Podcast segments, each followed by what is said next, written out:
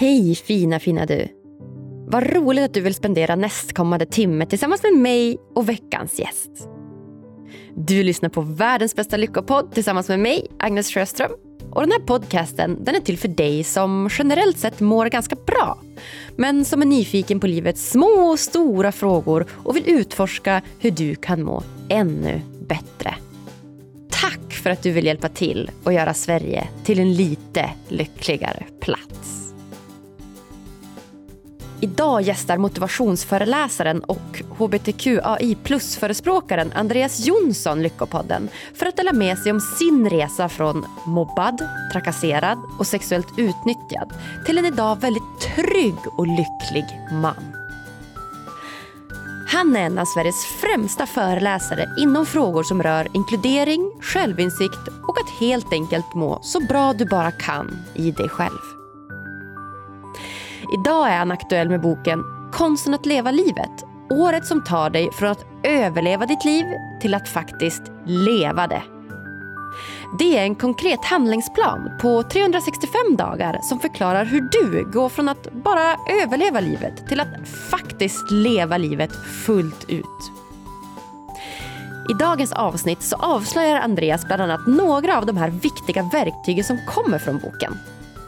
Vi pratar om vilka lärdomar Andreas tar med sig från sin barndom och hur han gör för att förbättra sin självkänsla. Ja, det är ett så himla lärorikt avsnitt som jag hoppas ni ska lära er lika mycket som jag gjorde av. Varsågoda!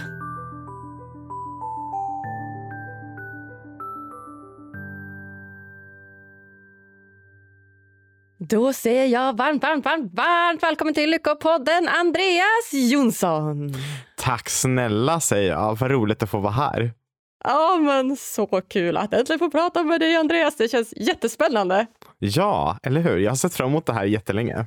Ja, gud vad roligt. Ja. Jag sitter här och försöker tolka din tröja här. The Mm. world has bigger problems than boys who kiss boys and girls who kiss girls. Men... Ja.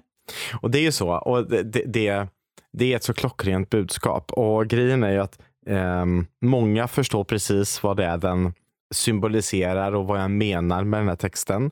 Och vissa, vissa säger, ja men vadå, det, det är väl inte ens ett problem. För att det står ju så här, det finns större problem. Och det är väl inte ens ett problem. Och det är det som är, det är, det som är grejen. Det, det är ju inte ett problem. Men vissa gör det till ett problem. Mm. Ehm, så att, eh, ja, det är viktigt att, att prata om. Ja, Verkligen. om. Ja. Mm. ja, men det kan man verkligen säga. Precis, man kan verkligen tolka det från två håll. Att, men vadå, det där... Jag tyckte det var lite gulligt. Jag bara, Åh, men självklart. Men som du säger, Ja. så här, det är inte ens ett problem. Alltså, det Nej, kan vara lite exakt. så här, provocerande också. Att, så här, men vadå, det är inte ens ett problem. Nej. Eller hur? ja. Fint. Var du här i Stockholm på Prideveckan? Eller? Ja, det var jag. Mm. Eh, dels så var jag i, i Stockholm eh, på Prideveckan som privatperson och bara njöt utav eh, kärlek och, och, och fest och musik. Eh, men sen hade vi även eh, utdelning utav ett stipendie som jag har instiftat som heter Proud Colors-stipendiet på 50 000. Eh, Wow. Så då så hade vi utdelning utav det för första gången och det var ju supermäktigt att få Ja. investera i vad någon annan vill göra för förändring. Eh, Så det var häftigt. Wow, berätta mer. Vad är det för stipendier som du har infört? Nej, men, ehm, jag kände att alla kan vi göra någonting och under pandemin så fick jag ju inte jobba som vanligt med att vara ute och föreläsa. Så att jag är en rastlös själ och startade en webbshop istället. Där vi bland annat säljer sådana här t-shirts. Då, liksom. Um, så att den här har jag designat och uh, så, så, så designade jag massvis med klockrena uh, bra budskap och uh, började sälja. Och människor gillade ju detta och började köpa och då kände jag vad kan vi göra mer än att sprida bra budskap och produkter? Jo, vi skulle kunna liksom investera tid, kärlek och pengar i ett projekt eh, en gång per år. Och eh, i år då så blev det en, en bok som ska skrivas som handlar om transinkludering i skolan. En handbok för personal då, liksom hur, hur man ska inkludera alla människor så som de vill bli inkluderade själva. Då. Ehm, Mm. Och det, det känns fantastiskt och eh, eh, det var väldigt fint att få, att få vara med och göra en sån sak. Det förstår jag. Vilken liksom, både liksom ära och stolthet mm. och liksom glädje och tacksamhet det måste få vara att liksom vara en, en, del av ett så stort och viktigt budskap på något sätt. Ja, men det är det. Det är det verkligen. Och, mm. och det är också kul att se alla dessa eldsjälar som vi har runt om i landet som faktiskt har så många bra idéer på det här kan vi göra och det här kan vi göra och varför skulle vi inte kunna jobba på det här sättet? Ja. Och det, det är det här som är liksom det bästa i livet. Att, att få vara en del av det då. Wow, verkligen. Att skapa saker. Och du vet, att det dels finns så idésprutor som bara det här och det här. Mm. Och så finns det de som också bara, du vet, som bara ja den idén tar vi. Och så är de liksom ja. en doer och bara kör och bara gör det. Och du vet, ja. Hur man kan liksom tillsammans verkligen skapa saker. Det är som att ja. det är så något grundläggande fundamental mänsklig kraft tror jag. Att så här, skapa tillsammans. Det är så vackert. Ja, det är oerhört vackert.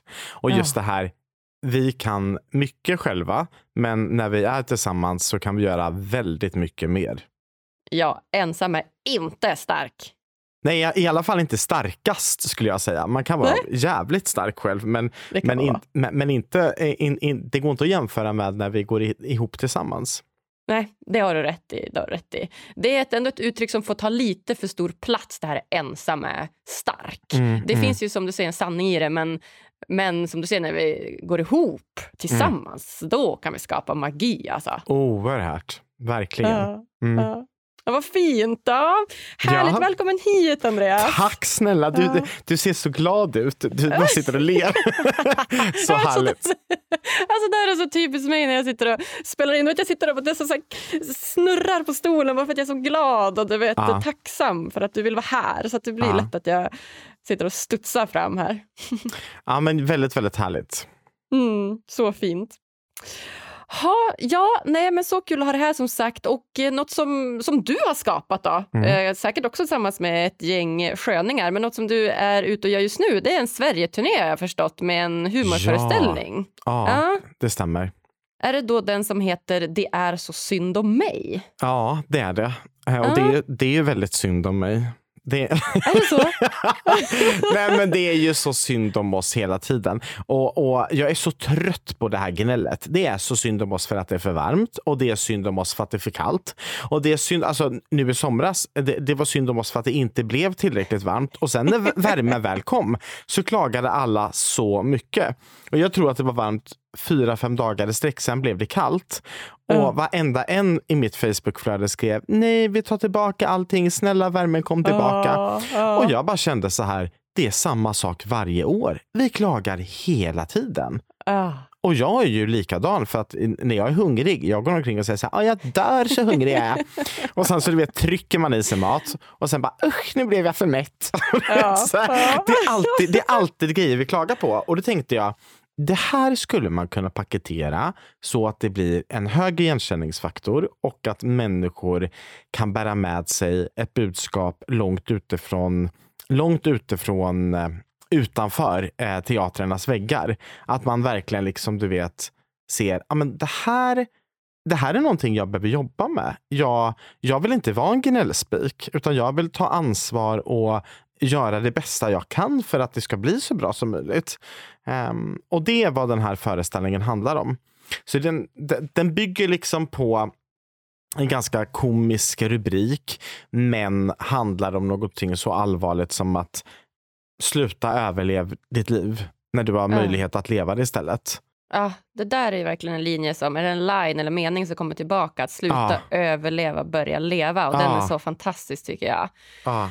Men den här föreställningen, är det liksom, som jag förstår är den ganska liksom, som du säger, allvarlig men att det också finns liksom en viss mått av humor i den här föreställningen. Ja, det är mycket, det är mycket, det är mycket gråt och det är mycket skratt. Ja. Och, det, och jag älskar det här, du vet att du sitter och eh, gråter för att det är så hemskt. Men sen börjar du gapskratta mitt i det för att det bara vänds. För de, alltså, du vet de här när du kommer in innanför känsloregistret så det är så nära mellan att gråta och att skratta.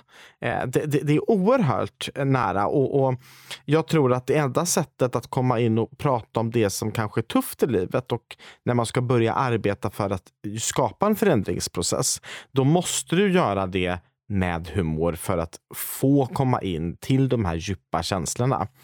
Så det är, eh, det är, mycket, det, det är mycket skratt och det är en hel del gråt.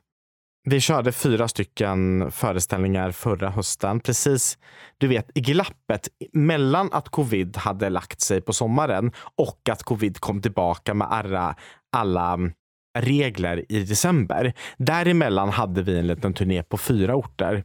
Eh, Stockholm, Göteborg, Malmö och Jönköping. Och det var liksom slutsålt och det var så kul. Så då sa vi att nej, vi kör en gång till. Men nu är vi då ute i 23 orter. Så det är ju en eh, vansinnig eh, apparat som jag har gett mig in ah. på. ja. ja men verkligen. Shit, hur långt upp kör ni då? Är det Kiruna? Vi kör Gällivare som högst upp och vi kör Ystad som längst ner.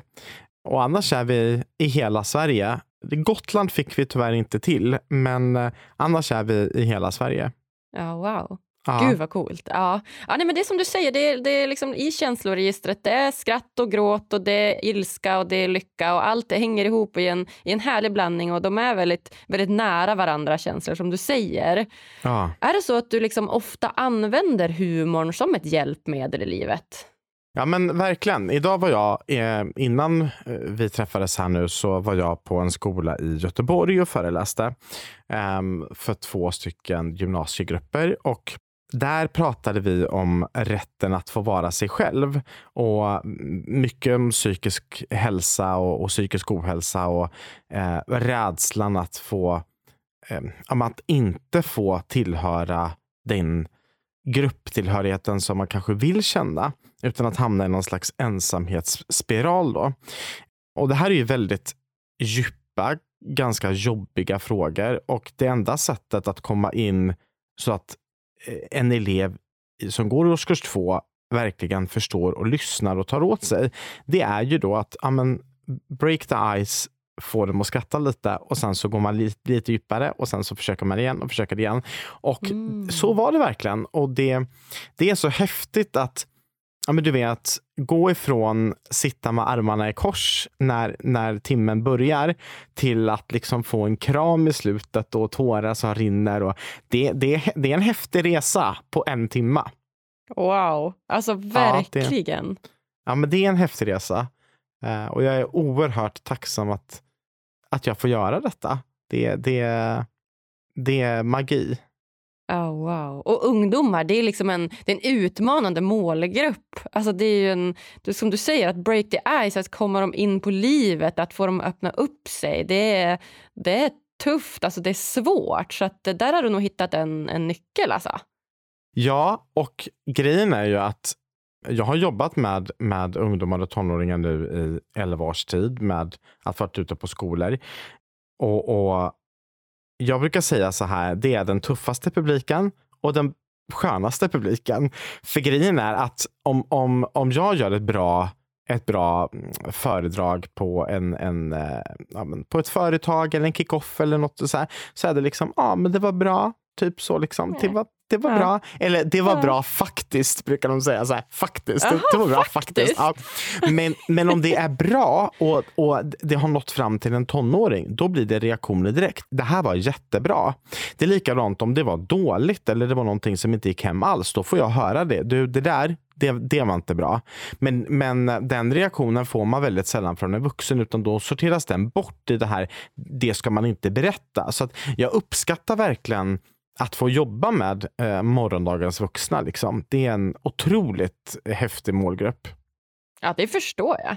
Ja, ja, det förstår jag verkligen. Ja, men jag gillar också humorn. Det är liksom en, en, en viktig del i livet. Alltså mm. det, det kan vara tufft att leva och det är inte alltid lätt. Men humorn är liksom det vi har som någonstans hjälper oss att se det med kanske en nypa salt ibland och skratta lite. Och ja. Såklart liksom inte så ta bort något av det hemska eller så. Det är klart man måste få sörja och hela den processen. Men att, att det ändå finns som ett hjälpmedel. Jag tror att annars hade vi gått under. Alltså vi behöver ja, få skratta lite. Ja. ja. Och det är ju så att även i den mörkaste dal där allt känns skit så finns det alltid någonting att vara, alltså att vara glad för. Alltid. Och, och Jag brukar säga att mm, om det är så att det enda positiva du kan komma på en dag är att nu får den här skitdagen snart ta slut. Ja, då, då, då är det det. Men då har du åtminstone en grej som du kan fokusera på. att Den här dagen, den kommer ta slut. Um, och, och Jag tänker att om vi bara fokuserar på rätt grej, då har vi kommit en ganska bra bit på väg.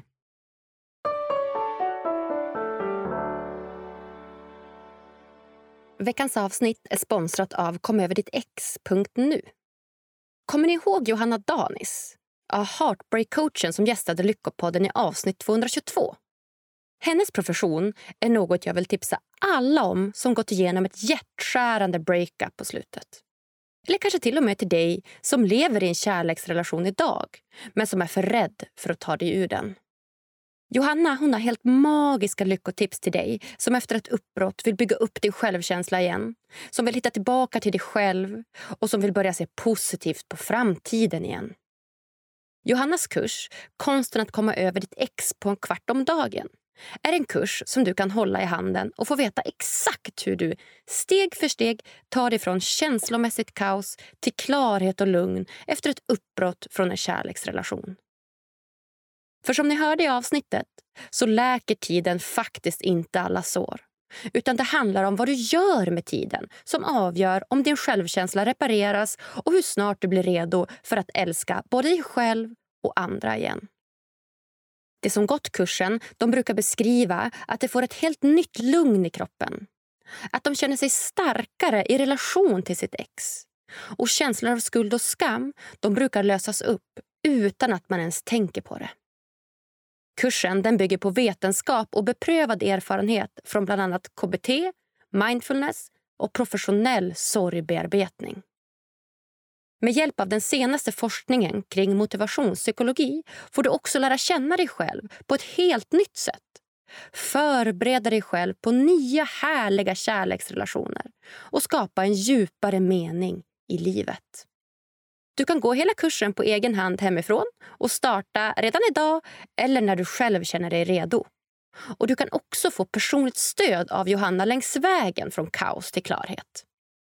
Och bara för att ni är världens bästa lyssnare så får ni nu hela 1000 kronor rabatt på kursen när du uppger rabattkoden LYCKA i bokningen. För ingen ska behöva gå runt med ett krossat hjärta i onödan. Gå in på www.komoverdittx.nu, alltså O istället för ön, och få tillgång till kursen direkt. Hoppas det ska hjälpa er också. Puss och kram! Ja, så spännande Andreas. Det, det, är så kul att ha det här som sagt. Och Du känns verkligen som en person som har levt typ så här, nio liv. Som en katt som har varit med om typ så här, nio olika liv. För att när man liksom läser om dig och ska läsa på lite grann och när jag skulle göra våra lilla eh, men researchade lite på vår lilla intervju här så, så, ja, men så var det det ena med det tredje och du vet det har varit ganska tunga saker också i livet. Det har varit eh, mobbing och det har varit trakasserier och utanförskap och inte minst sexuella övergrepp och det är ju liksom tunga saker under en och samma livstid. Det, jag kan tänka mig att det sätter sina spår ändå. Ja, men det gör det. Och det, jag ser det som att antingen så kan jag välja att se mig själv som ett offer och ja, men i stort sett lägga mig ner och säga fan, fan vad surt och jag mår piss och där satte vi punkt. Och om jag gör det då gav jag vinsten, om man ska se det här som, en, som ett, eh, ett lopp, liksom. Eh, då gav jag vinsten till mina förövare. Då, då fick de sista ordet. Eh, och jag bestämde mig för, ja men det är nästan exakt tio år sedan nu, eh, det kan vara tio och ett halvt år sedan, att jag tänker inte vara tyst längre, utan jag, jag vill börja prata eh, om mobbningen och det som, var, det som var tungt då. För att jag ville få, jag ville få tillbaka makten. Eh, för att om jag fortsätter prata om detta och om jag lyfter detta och om jag kan hjälpa andra genom att berätta min historia, då äger jag storyn då, då tog den inte slut med att jag mådde så dåligt så att jag övervägde att ta mitt liv. Den tog inte slut där, utan storyn lever fortfarande och det var, det var, inte, det var inte ett sorgligt slut, utan det finns oerhört mycket positivt i detta. Och alla kanske inte orkar göra det som jag gjorde, men men jag ser inte något annat alternativ. Jag kan inte, jag kan inte gå omkring och låta mina förövare äga makten. Eh, det finns inte för mig. Nej, nej, de, nej, verkligen inte. De ska inte ha någon makt överhuvudtaget. Nej, det håller jag helt med dig om. Och, och det märks verkligen att du har, du har kommit en bit på din egna inre resa. Liksom, och Vi ska snart prata mer om det. Men om jag tänker att vi spolar tillbaks tiden lite grann. För att det här med att vara offer och så, det, det, det är någonting som, som man lätt hamnar i liksom under perioden när det här händer. Alltså innan man har liksom, innan man förstår, innan man har hunnit sörja, innan man har liksom kommit till den insikten som du faktiskt har gjort. Att så här, vet du vad, de här eh, pip-människorna ska liksom inte få den här makten. Men, men om du tänker dig tillbaka till liksom de här eh, ja, men, hemska eh, händelserna som hände dig. Vad, vad, har liksom, vad var värst i allt det? Vad, vad var liksom det som var svårast att hantera liksom under själva processens gång? Ja, alltså jag tror att det var ensamheten som var absolut värst. För att där spelade ingen roll eh, om jag var en lågstadieelev och blev mobbad eller om jag var en högstadieelev som hade oerhört svårt att hitta min plats eller om det var liksom att jag som ung vuxen blev våldtagen. Utan eh, i alla de här tre eh, delarna så var det att jag var ensam i det här. Um, och sanningen är att jag var inte ensam. Och det finns statistik som bevisar att jag inte var ensam. Det finns ett vuxet förstånd inom mig idag som gör att jag förstår att jag inte var ensam. Problemet är att jag kände mig ensam. Jag upplevde mig ensam och jag var övertygad om att jag var ensam. Och då spelar det inte så stor roll att någon står och smäller en, en bok i huvudet och säger du är statistiskt sett inte ensam. För jag kände mig ensam. Um, och, och jag tror att det absolut farligaste vi, vi, vi, vi har i vårt samhälle, det är den här ensamhetskulturen. Att vi inte vi ska inte prata om att vi mår dåligt. Eller eh, vi ska inte gråta. Jag menar, om, om, om, jag, om jag tar exemplet från idag i skolan som jag var på i Göteborg. Flera av eleverna kom fram eh, med tårar i ögonen och sa usch vad jobbigt. Jag höll nästan på att börja gråta innan. Och jag sa, men varför är det jobbigt? Alltså var, varför, alltså kan vi bara liksom prata om det? Så var, varför är det jobbigt att visa tårar? För det är inte jobbigt att visa glad eller att man är hungrig eller arg. Varför är det, varför är det jobbigt att visa? Och, och reaktionerna blev, ja det är inte klokt. Varför, varför ska det vara jobbigt? Och Jag tror att vi många gånger lever i en kontext där vi tror på riktigt att vi är ensamma fastän att vi inte ens är det. Och då bär vi, vi bär mycket tyngre börda än vad vi faktiskt borde. Um, I värsta fall så leder det ju till depression och suicidala tankar och det är ju, det är ju helt fruktansvärt när det inte ens behöver vara så. Um, så jag ska säga att det värsta för mig, det var, det var ensamhetskänslan.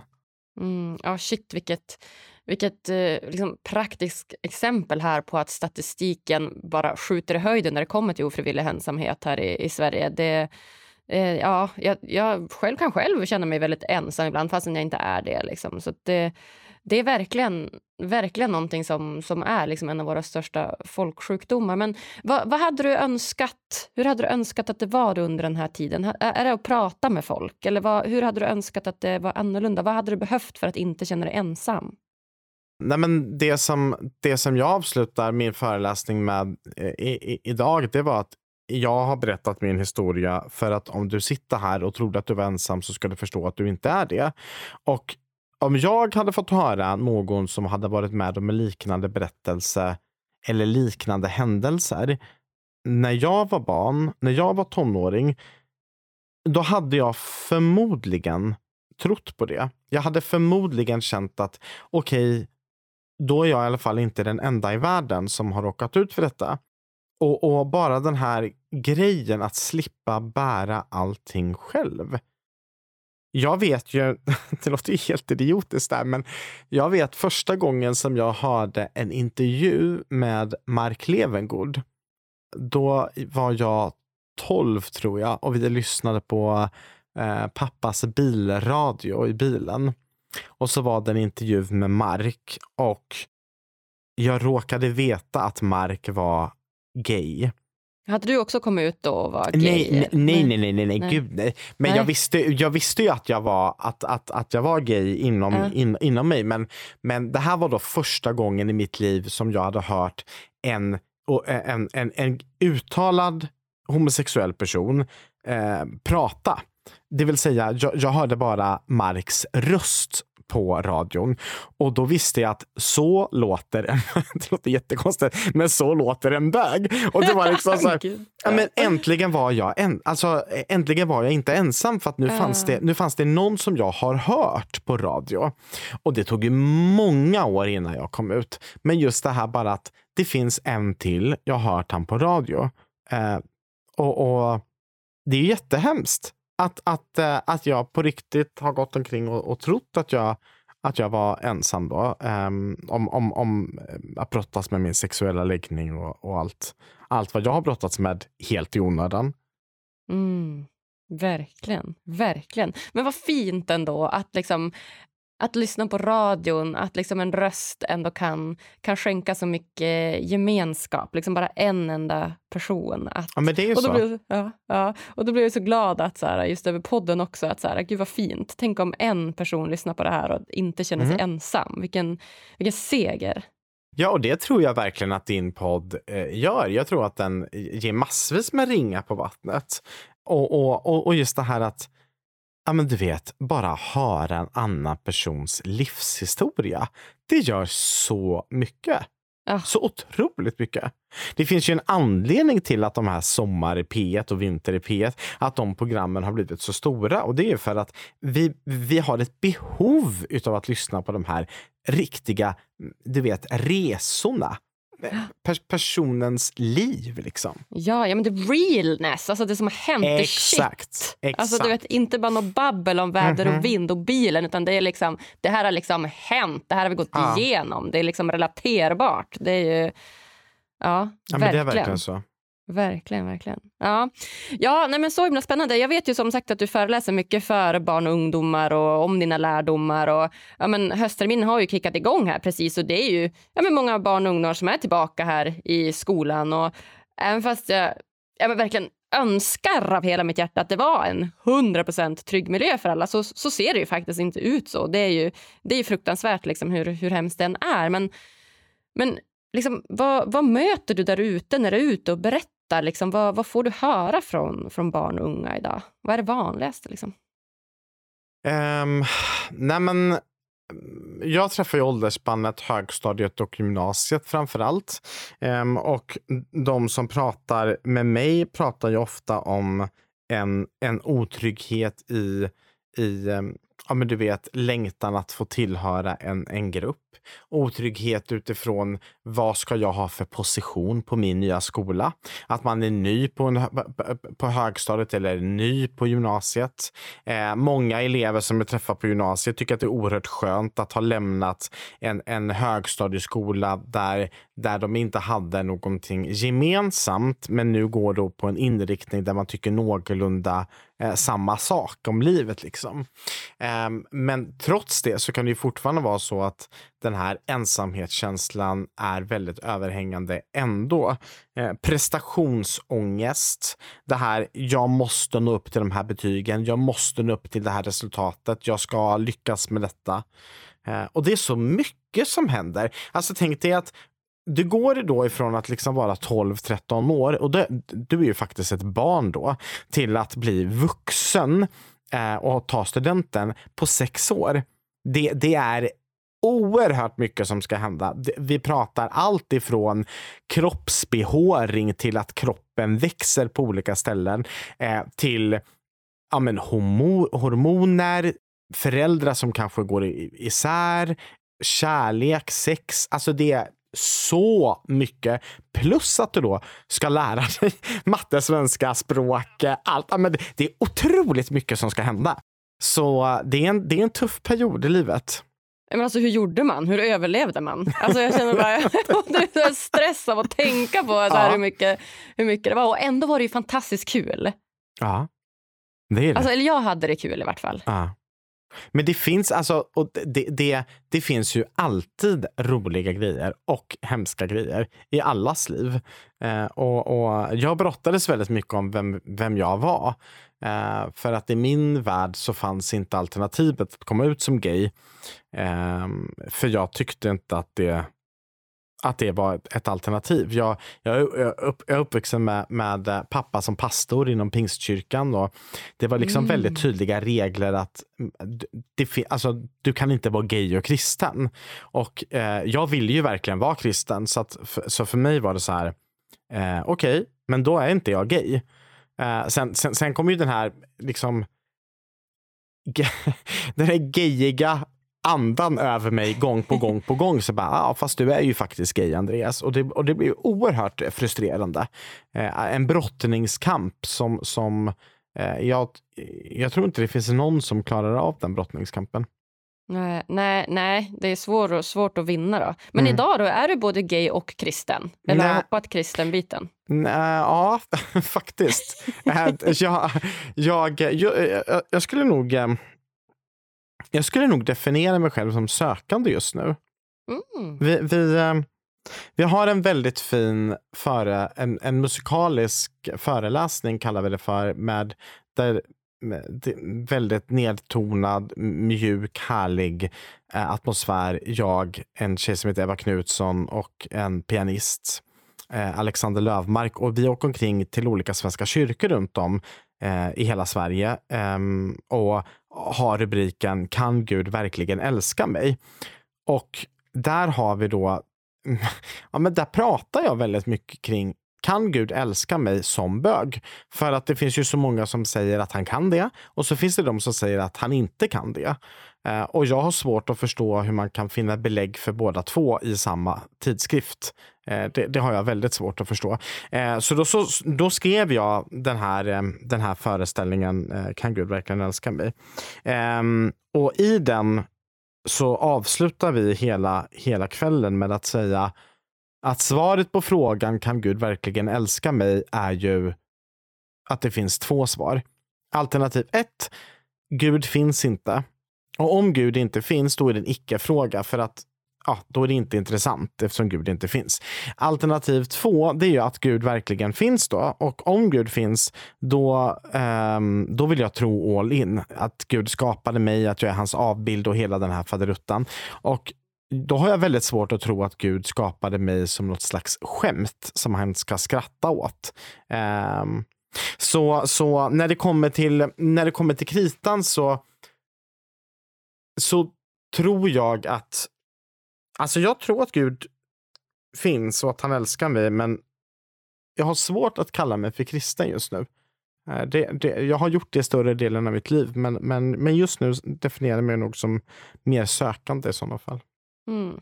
Ja men fint. Ja men man kan väl få tro på någon gud eller vad man nu vill kalla det, någon högre makt utan att vara kristen. Alltså man kan väl få tro på det man vill utan att så här, definiera Absolut. sig. Ja. Ja, ja. Det finns ju massvis med, med, med exempel på fantastiska människor som hittar sin trygghet och, och, och tro på, på kärleken på många olika sätt. Mm. Jag tror på kärleken. Jag tror verkligen på kärleken. Och om kärleken är det som ska vinna, då är ju alla välkomna. Exakt hur? hur? de än är. Eller hur? Ja, det är min gud. Så mm. det är mm. klart att vi är välkomna, tänker jag. Ja, ja men det måste ju vara så. Ja, vi bestämmer det. Klubbat och klart. ja, nej, så fint, Andreas. Vi pratade lite tidigare, du och jag också. Och Eh, jag vet att du släpper en bok här nu i höst, i september som heter Konsten att leva livet. Året som tar dig från att överleva ditt liv till att leva det istället. Va? Mm. Det stämmer. Vilken bok. Det stämmer. Och Ja. Jag var ju så, så nyfiken där för att först jag bara, ja okej, men konsten, okej, men hur gör man det då? Konsten att överleva och leva och hit och dit. Så Mm. bara, sen så förstod jag ju att det är ju en mer en liksom konkret handlingsplan egentligen på liksom Mm. 365 dagar liksom, som förklarar hur det går till väga liksom, från att just överleva till att faktiskt leva livet. Ja, men det är det. Det är en, det är en ganska tjock bok. 424 sidor Oj! Med um, en, en, en, en bra inledning, en, en bra, ett, ett bra avslut och däremellan finns det då uppgifter, en uppgift per dag. Så att det tar ungefär fem minuter per dag eh, av din tid att, att sätta dig ner och, och göra de här uppgifterna. Och det, här är så här, det, det, det är en vacker bok eh, som kan ligga framme på nattduksbordet och fyllas i då varje, varje kväll. Och jag har ju skrivit texter som är, dels är det ju en, en, en peppande text en gång i, i eh, per månad, fast vi kallar det för avsnitt i boken med tanke på att du kan börja den här resan när som helst. Det vill säga, du kan börja resan den 6 juni eller den 1 januari eller på julafton eller när som helst. Det spelar liksom ingen roll, så det är inte datumbundet. Eh, vilket gör det väldigt lätt för att vissa, de vill ju göra Um, ja, men du vet, så här, jag, jag börjar mitt nya liv på måndag eller jag börjar mitt nya liv den första januari. Och, och, och vissa vill ju inte vänta en sekund utan nu börjar vi nu. Eh, och oavsett vem du är så ska du kunna använda den här boken. Och sen då så, så ehm, förutom de här texterna då en gång då var fjärde vecka så finns det då en veckotext och sen så finns det uppmuntrande citat varje dag och så vidare. Så att det, det, är, ehm, det är en bok som jag skrev under pandemin för att jag själv kände jag behöver arbeta på att inte tappa bort det som är viktigt i livet.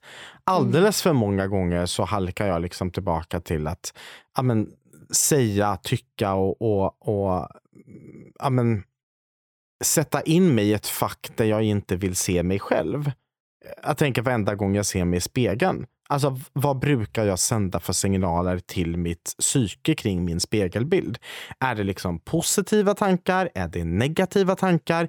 Alltså, vad är det jag sänder ut? För jag är den enda personen som kommer umgås med mig själv 24-7 resten av mitt liv.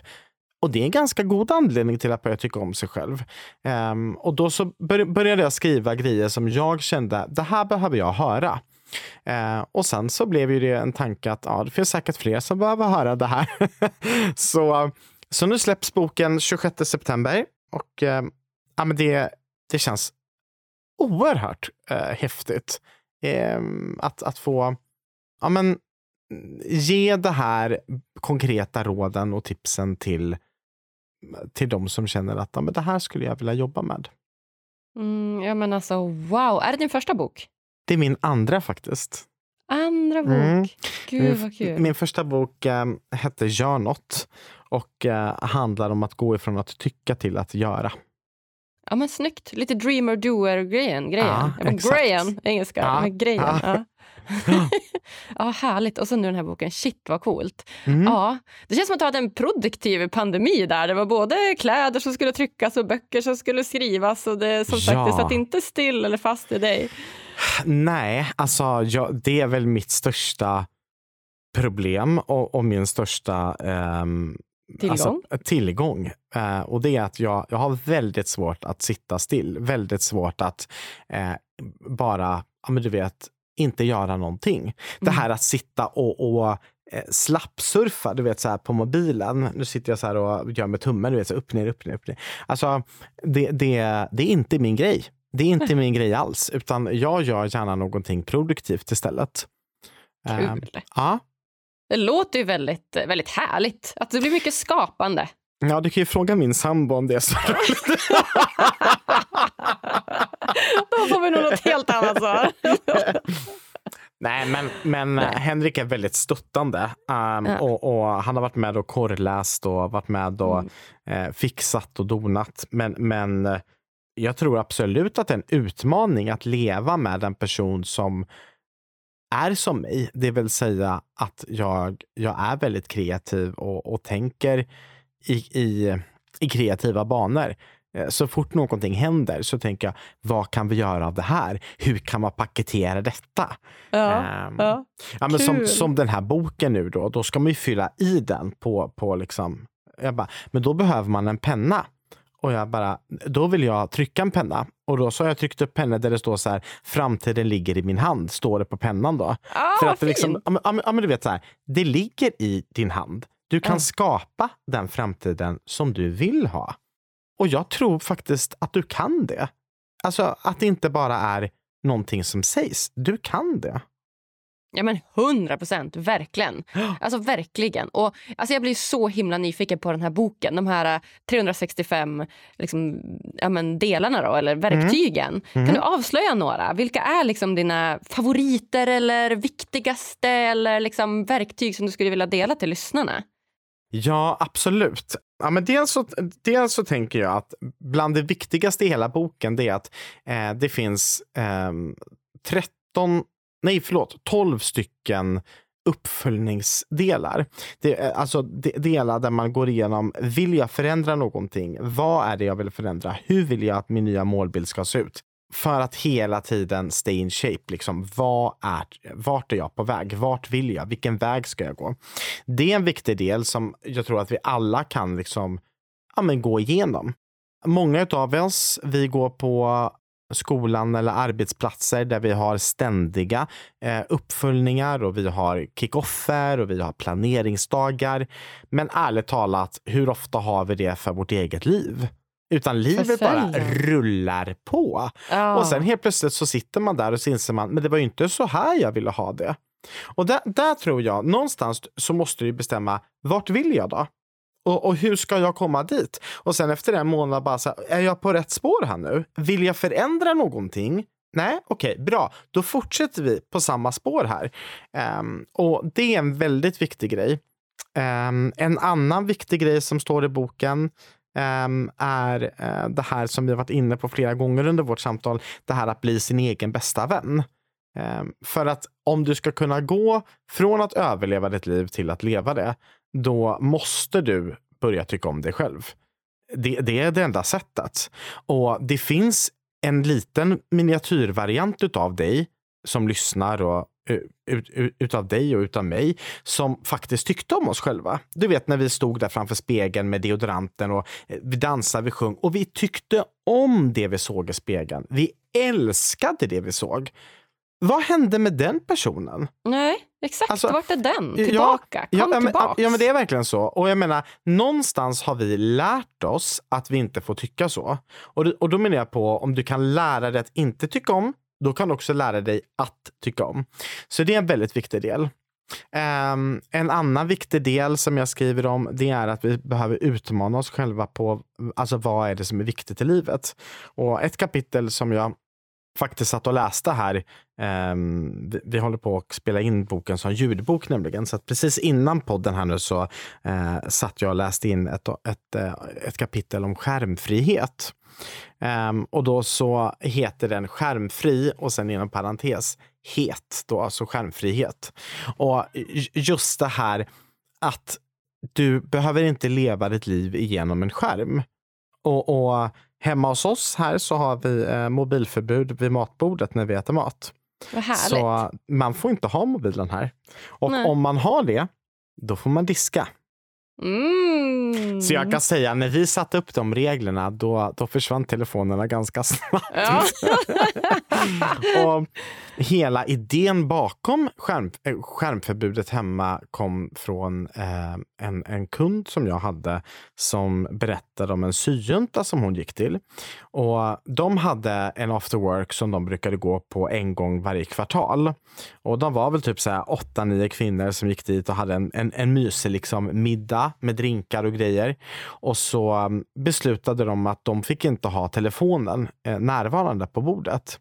Så jäkla bra. Den, ja, men verkligen. Och den första som plockade fram telefonen var den som var tvungen att betala. Ja, då och, jäklar. Ja, men verkligen. Och om ingen plockar upp telefonen så, så splittade man notan. Men om någon plockar upp telefonen för jag ska bara ta en bild på den här desserten eller jag ska bara kolla, liksom, då fick man betala. Och det gjorde ju att ingen till slut tog fram telefonen utan man bara fokuserade du vet, på att vara närvarande. Och ärligt talat, det är en utmaning som jag tror att vi många skulle må bra utav att göra. Så boken innehåller mycket, ehm, mycket kul utmaningar, lite jobbiga utmaningar, väldigt mycket pepp ehm, och bra uppföljningsövningar.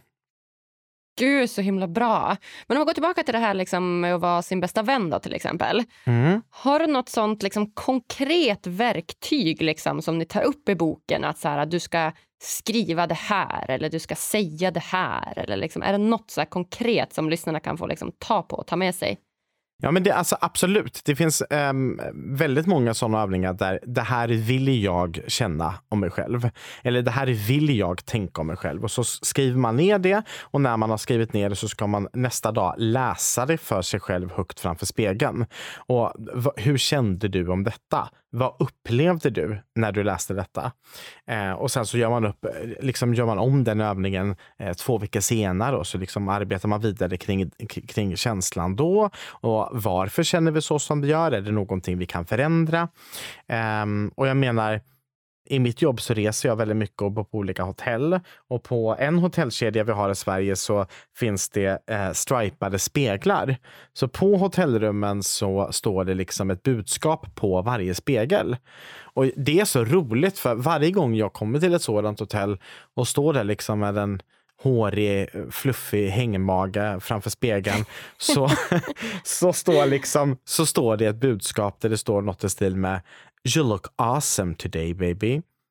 Um, ja men det är ju verkligen så. För att när jag då ser den texten så tänker jag Wow, alltså det stämmer inte ihop med spegelbilden.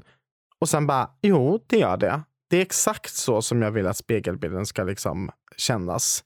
Och jag tror att på riktigt är det inte svårare än så. Sätt upp en post-it-lapp på, på din spegel redan i eftermiddag. Skriv det. Sätt din mobilbakgrund. Eh, alltså istället för att ta en bild på ja, din hund eller dina barn eller din pojkvän, flickvän, vad du nu än har. Så liksom gör en sån här liksom, eh, bild där du skriver. Eh, du ser fantastisk ut. Glöm inte det. Mm. På min telefon så har jag faktiskt en bakgrund där det står det är jag som bestämmer om jag behöver öppna telefonen eller, eller inte. För jag har haft sån abstinens att jag, jag måste bara kolla mejlen. Jag måste kolla. Och då står det jag är den som bestämmer. Och så varje gång jag då håller telefonen och ska öppna så tänker jag just det, det är jag som bestämmer. Telefonen bestämmer inte. Mina mina, mina sms-signaler bestämmer inte. Det är jag som bestämmer. Ja, ja men gud så himla bra. Mm. Jag har ju en bakgrundsbild på mig själv. Mm, det är fint. Alltså bara för att jag tycker det är en så fin bild. Ja, du är ju väldigt vacker. Ja, men boom, tack detsamma.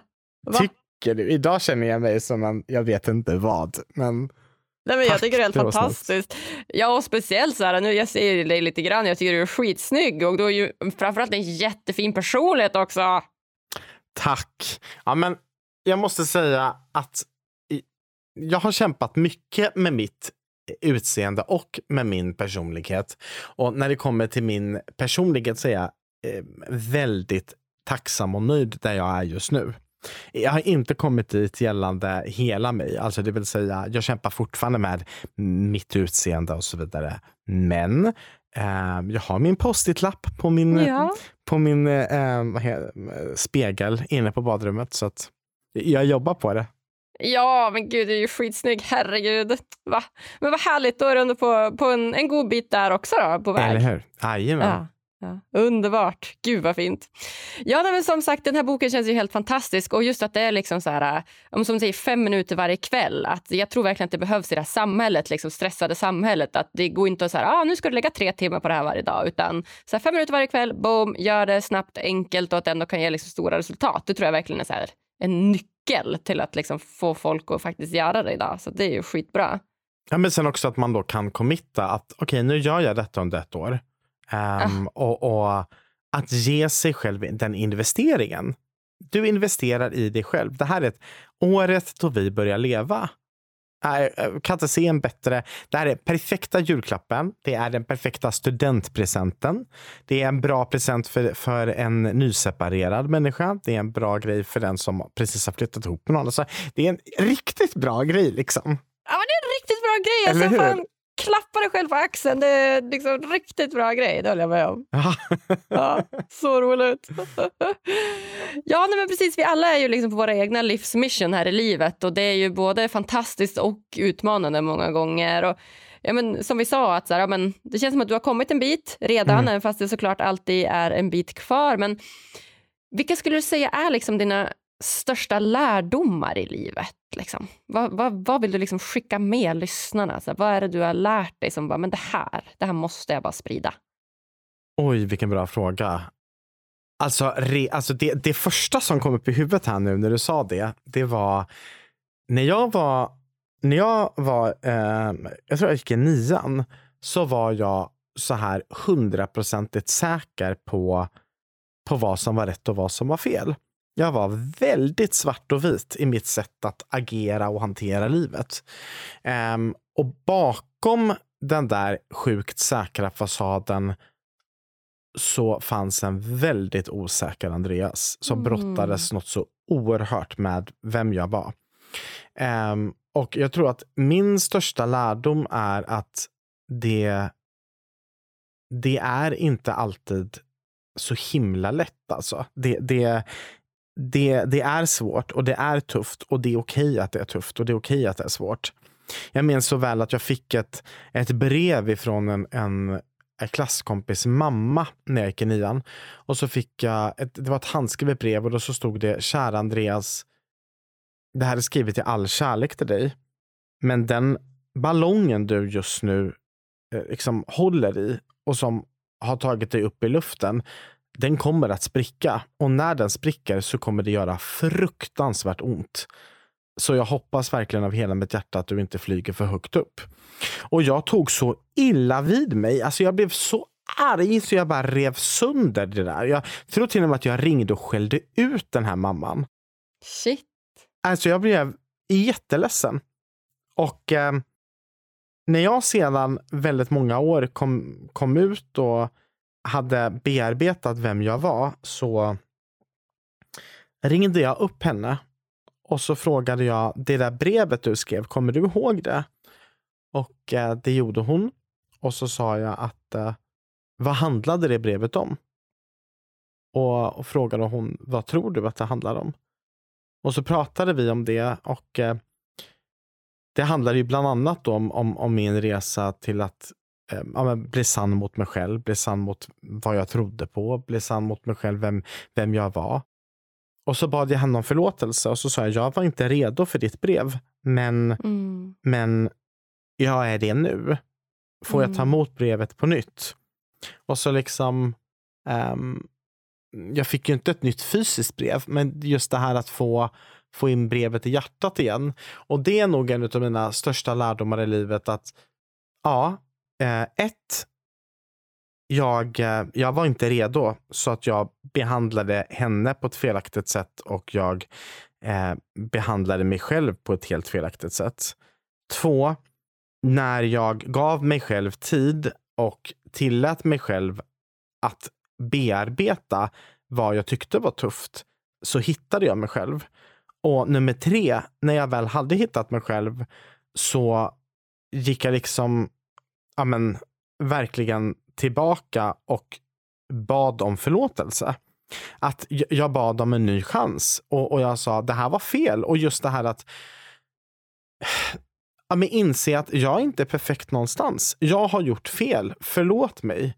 Eh, och där tror jag att många skulle må väldigt mycket bättre om de bara vågade vara så pass ärliga mot sig själva så att de insåg att det här var dumt, kan jag få en ny chans?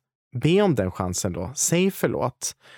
Um, det är aldrig för sent. Jag, jag, brukar säga så här, så länge du andas och personen som du vill be om förlåtelse andas så är det inte för sent. Utan då, då är det bara att köra. Men gå inte omkring och, och bär på den smärtan i onödan för att det, det är så Det är så sorgligt. Verkligen. Så himla bra sagt. Och det, det, krävs ju lite mod för att ta till sig det där och ringa upp precis som du gjorde och prata och, Verkligen. och be om det här förlåtelsen. Verkligen. Ja. Men, men wow, vilken magi det kan skapa. Alltså. Ja, men verkligen. Och sen finns det ju de tillfällena då vi ber om förlåtelse eller ber om ursäkt och vi faktiskt inte får förlåtelsen, utan mm. personen i fråga är inte, är inte mogen eller villig att eh, ge oss den här förlåtelsen eller möta oss där. Och då, då, mm, då tycker jag att det är väldigt viktigt att, att komma ihåg att okej, okay, men då ligger bollen inte längre hos dig. Då ligger bollen hos dem. Då har du faktiskt gjort din del av, av det här jobbet. Um, och, och, Att förlåta, det är också någonting jag skriver om mycket om i boken. Att förlåta gör du för dig själv, för din egen skull. Du sätter dig själv fri genom att förlåta.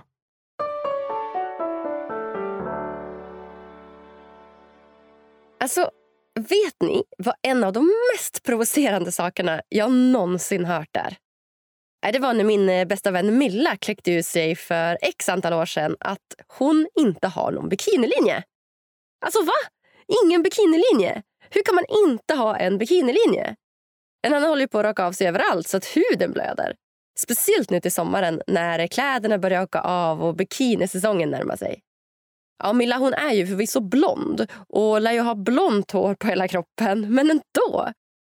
Ja, alla ni brunetter med ordentlig hårväxt där ute, jag är så med er. Det är inte lätt. Jag gissar att jag inte är den enda som har en mörk raggarsäng på magen. Ja, ni som vet, ni vet. Att vara brunett, det är inte lätt. Som tur är har jag nu hittat till Umeås äldsta och finaste hudvårdssalong. Face och deras fantastiska IPL laserbehandling. En snabb, säker och effektiv hårborttagning av pigmenterat hår i ansiktet och på kroppen. Så nu jämmers, nu ryker raggarsängen, bikinilinjen och håret på benen och på låren. Och det ska bli så skönt! Ja, oftast så behövs typ 5 till 10 behandlingar. Men eh, det bestämmer du såklart i samråd med din hudterapeut. Och på Face där jobbar sex stycken auktoriserade hudterapeuter varav tre av dem innehar mesta brev i hudterapeutyrket. Ja, gud så skönt det kommer bli med hårlösa somrar framöver. Tack snälla Face för att ni gör det här möjligt.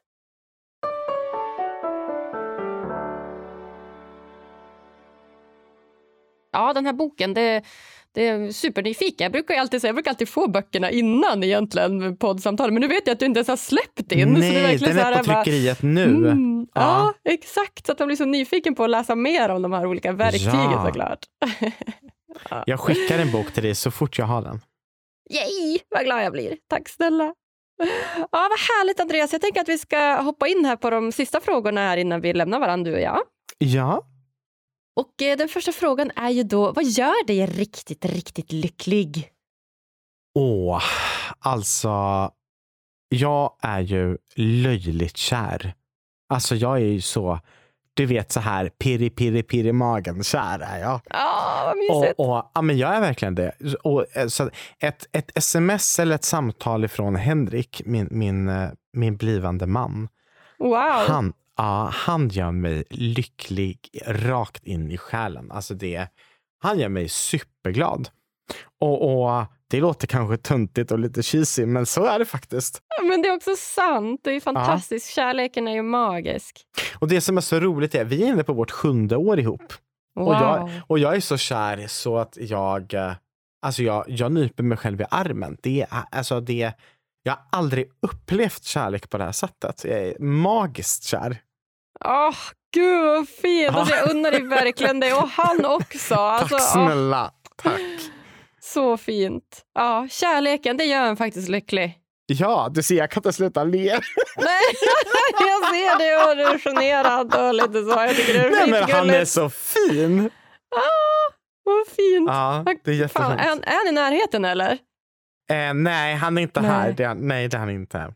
Rackarns, annars hade jag ja. bett dig hämta honom nästan så jag får hälsa ja. på honom. Ja, men ja. eller hur. Ja. nej, men, men, oh, nej, men han, är, han är fantastisk. Ja, och han, han har också varit en, en stor del i, i min resa att börja älska mig själv på riktigt. mm. Eh, just för att han, han, ser inte, han ser inte mig som någon annan än den jag är. Eh, han ser inte mig för mitt jobb. Eller. Jag vet att eh, vi började dejta i, i maj. Uh, eller det året vi började dejta började vi dejta i maj. Och då hade vi pratat ett halvår på, på en, en, en så chatt. Och ehm, i augusti så var det väldigt mycket media på mig. Jag var med på Nyhetsmorgon och TV4 och, och, och, och Sveriges Radio. Det var, det, det var massvis med grejer. Och jag gick upp i någon slags rosa moln och tyckte att shit, jag är ändå så lite cool. Liksom. Eh, jag syns på tv. Och då vet jag att Henrik sa till mig, alltså vi hade ju bara känt varandra i några månader. Och då så vet jag att han sa till mig, det där är inte sexigt överhuvudtaget. Och det är inte Nice. det som jag fastnade för. Och du vet, han tog ner mig på jorden som en stor slägga i huvudet. Bara bank. Ja. Och jag, jag kan ju inte säga att jag tyckte att det var särskilt roligt då. Eh, ju- just den minuten han sa det. Men kanske fyra minuter senare när jag väl hade förstått vad han sa så bara insåg jag Fan vad fin han är. Han gillar inte mig på grund av en artikel på Aftonbladet. Han gillar mig för att jag är jag. Eh, och det är underbart. För att då betyder det att om allting går åt skogen, då gillar han mig då med. Alltså han, han, han gillar mig. Och det är Ja. fint. Det är jättefint. Ja. Gud vad fint. Om eh, du fick ge lyssnarna en utmaning som de kan göra varje dag för att bli lite lyckligare, vad skulle det vara då? Eh, åh. Alltså en sån enkel sak som att le ger faktiskt väldigt... Nu ska vi se. Nu börjar min telefon pipa. Jag Eh. hörde det. Så, vi, vi, vi kan ta om den då. Ja, ja. Ehm, en sån enkel sak som att le gör faktiskt jättestor skillnad. Alltså det här att... Ja, men, men varför är min telefon? Mikrofonljudet. Mikrofonljudet avstängt. Ja, men det vet jag väl. Det har det Det- varit hela tiden. Ja. Ja. En sån enkel sak som att le ger faktiskt jättestor impact. Jag menar, alltså, alltså dels så... Nej, men alltså, men vet, alltså, jag vet inte vad som händer med min telefon. Är det batteri? Nej, det är inte batterierna. Gud vad sjukt. Ah, så roligt. Är det som att det kom upp någon ruta eller något? Nej, det är alltså Nej. det står mikrofonen avstängd. Men det har den ju varit hela tiden. ja.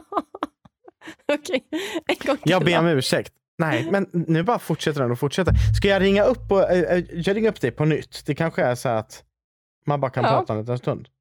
Ja, ja, men jag, prova det om jag, du- lägger- jag lägger på och ringer upp. Okej. Nu va? Ja, snyggt. Okej, Vad nu bra. kör vi. Ja.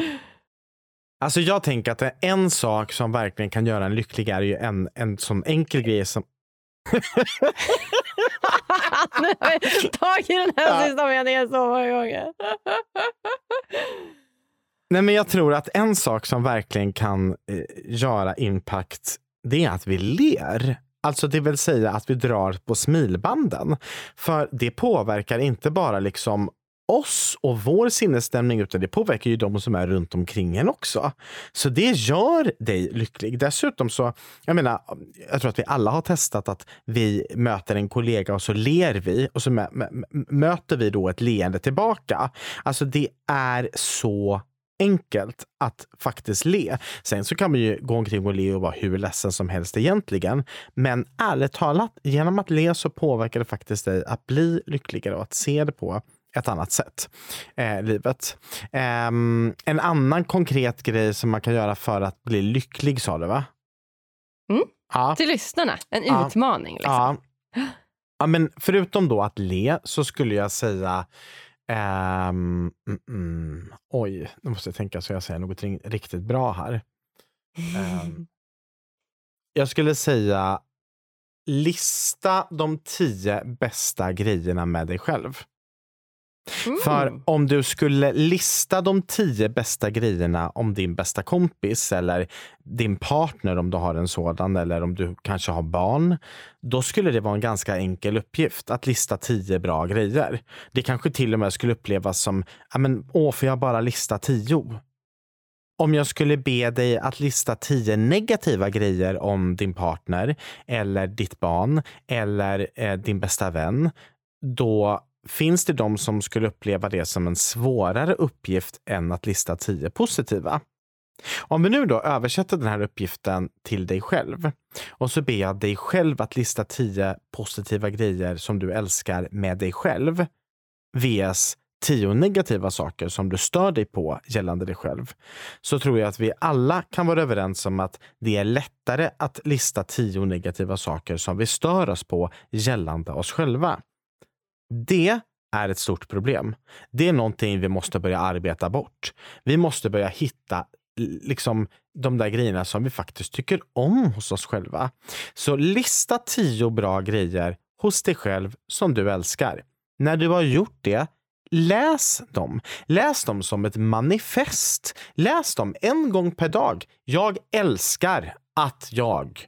Och sen så, så vidare. Så um, och så läser man det en gång om dagen läser man de här grejerna och så gör du det en månads tid. Alltså om du gör den uppgiften och verkligen gör den på riktigt, jag kan garantera att du kommer må så mycket bättre i din självkänsla kring hur du tänker om dig själv efter en månad.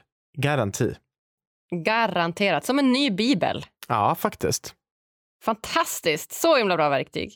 Ja, men det är ett bra verktyg. Ja, nej, är det något så slutligen som du vill dela med dig av till lyssnarna här innan vi lämnar varandra? Det känns lite sorgligt att vi ska sluta. Det var så himla mysigt att prata. Ja, ja jag vet. Det är alltid tråkigt. Jag hade också ja. pratat på ett tag till. Det går så fort den här timmen. Den bara ja. springer iväg. Nej, men alltså, jag skulle bara vilja skicka med, liksom, var schysst mot dig själv. Um, det, det, det, är alldeles för många som är lite för taskiga mot, mot, uh, mot den personen de ser i spegeln. Så var schysst mot dig själv. Um, det finns ganska många människor som, som inte är schysst mot dig. Så du behöver inte vara ytterligare en i gänget utan var schysst mot dig själv istället. Um, du förtjänar det och du förtjänar att må bra. Välvalda ord fick avsluta det här poddsamtalet. Jag säger bara tack, tack, tack snälla, snälla du Andreas för att du kommer gästa mig här på Lyckopodden. Tack, ta hand om dig och stor kram. Wow, gänget. Snacka om att leva ett minst sagt händelserikt liv. Fina ödmjuka Andreas. Snacka om viktiga och lärorika verktyg. Fem minuter varje kväll i ett år. Det kan alla avvara i syfte att faktiskt börja leva livet istället för att bara överleva det. Uppskattade du också det här avsnittet? Då hade jag blivit mega glad om du ville gå in på Podcaster-appen i din iPhone eller Android-telefon och ge oss så många stjärnor som du tycker det här avsnittet förtjänar. Lämna jättegärna lite kommentar också om du vill det. Och vill du veta mer om mig och få ännu mer lyckotips och inspiration? Då tycker jag dels du ska följa vår Instagram. Lyckopodden heter vi där. Och också följa mig på LinkedIn och lägg till med ditt nätverk där. Där heter jag Agnes Sjöström. Då lovar jag att du inte kommer missa några som helst lyckotips. Vi hörs på tisdag igen. Lyckopuss till dig!